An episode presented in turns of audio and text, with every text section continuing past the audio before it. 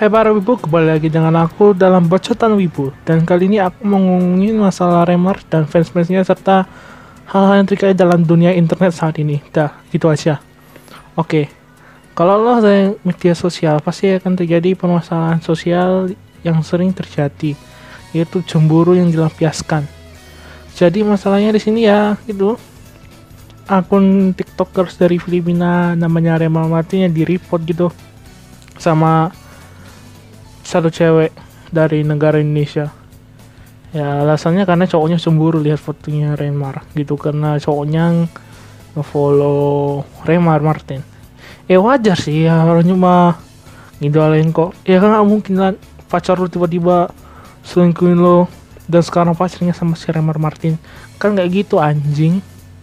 Nah sekarang juga kemarin ada sempat-sempatnya report BTS ya report BTS dikiranya uh, idolnya para wanita. Sampai-sampai ribut kemarin anjing. Ya jadi gini.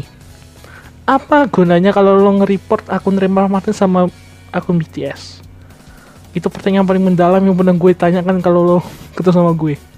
Sumpah. Apa gunanya lo nge-report tuh dua akun?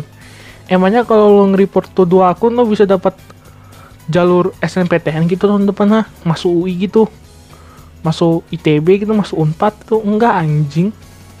Itu semua langsung lo aja gitu lo pengen nunjukin siapa lo sebenarnya di sosial media anjing. Kalau lo pengen nunjuk siapa lo sebenarnya di sosial media nggak ada gak usah ngerimong report mending lo nyimak aja sih. Soalnya jijik juga gue nengok suatu grup grup sit post anjay grup grup anak meme. Ya anak meme. Nggak tambah di belakangnya anak anak meme jadi gitu. Banyak sekali cowok-cowok yang membela Remar.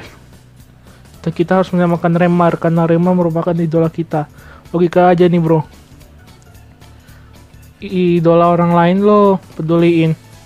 Emangnya kalau lo misalnya ngebuat akun Remar fully emangnya lo di notice Remar gitu mah lo dapat Steam Steam wallet gitu ha? Biar bisa beli game-game yang lo di Steam dapat Google Card gitu? Enggak anjir.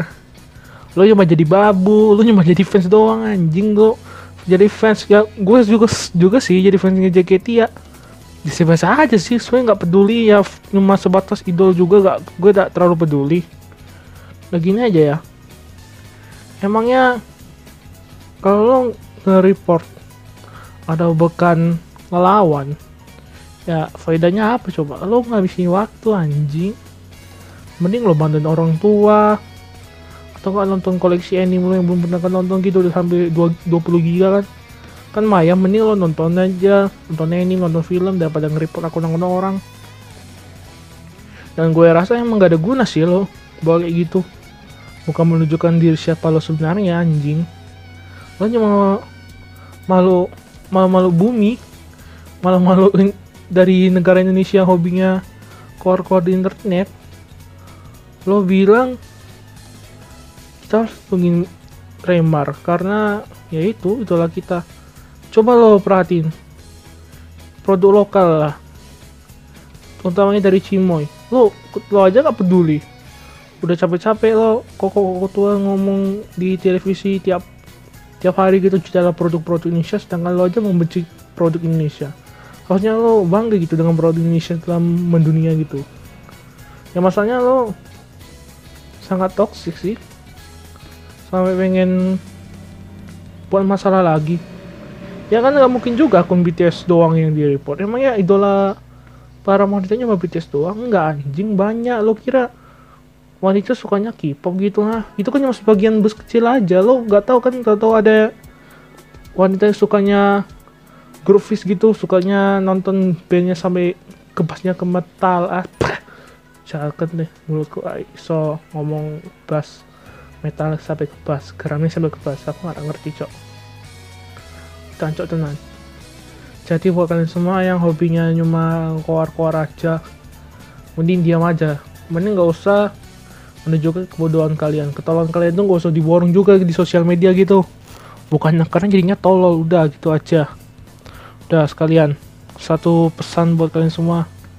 Karena sih lo kalau mau ngomong